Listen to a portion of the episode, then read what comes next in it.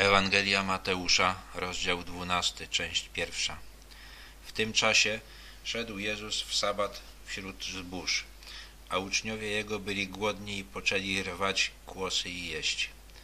A gdy to ujrzeli faryzeusze, rzekli do Niego, oto uczniowie Twoi czynią, czego nie wolno czynić w sabat.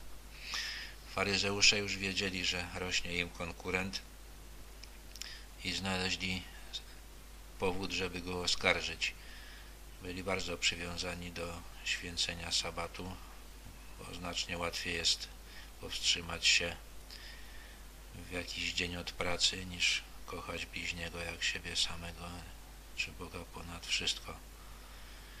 Uznali, że rwanie i jedzenie głosów w sabat jest pracą i, i zrobili i postawili zarzut.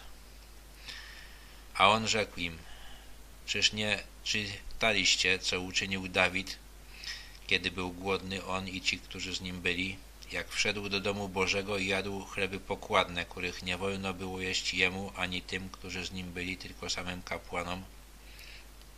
Sabat był dla Żydów świętością, chleby pokładne też były świętością.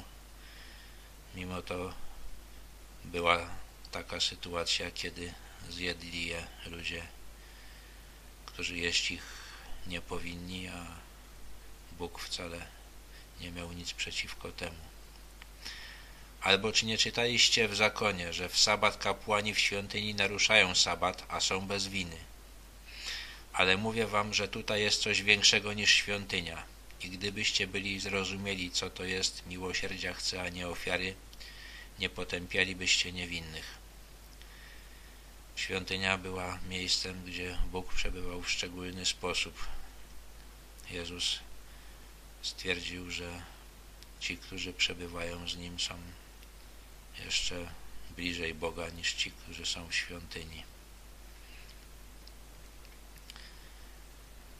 Albowiem Syn Człowieczy jest Panem Sabatu. Sabat był dniem poświęconym Bogu. Jezus powiedział, że jest Panem Sabatu, czyli też Bogiem.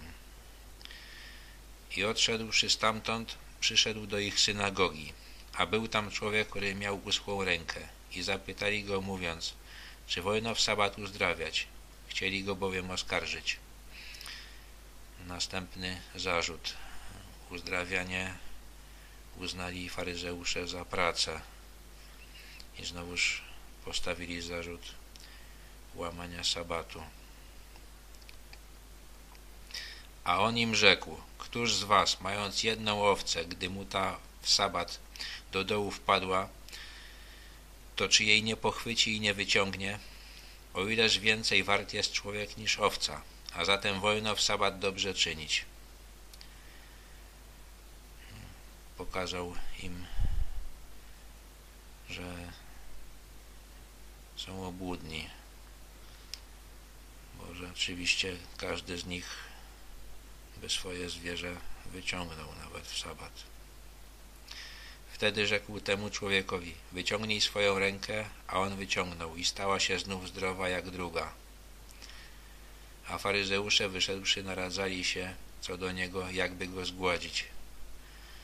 To, że dokonał cudu nie miało znaczenia. Ważne było dla faryzeuszów, że ich poniżył i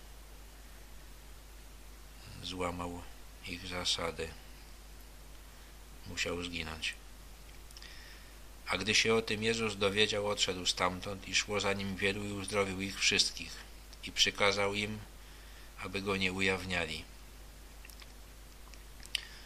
Pomimo to ludzie widzieli, kto ma moc uzdrawiania i szli do Jezusa żeby się wypełniło, co powiedziano przez Izajasza w słowach. Oto sługa mój, którego wybrałem, umiłowany mój, w którym moja dusza ma upodobanie. Złożę na niego ducha mego. A on obwieści narodom sąd. Nie będzie się spierał i nie będzie krzyczał. I nikt na ulicach nie usłyszy głosu jego. Trzciny nadłamanej nie dołamie, ale nut dającego nie zgasi, dopóki nie doprowadzi do zwycięstwa sprawiedliwości a w Jego imieniu narody pokładać będą nadzieję. Izajasz zapowiadał Mesjasza, który będzie postępował w sposób delikatny.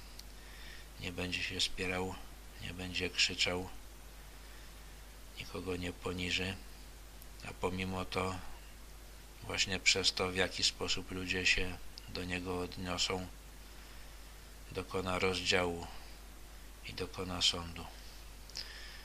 I będzie też dla tych, którzy potraktują go poważnie, nadzieją.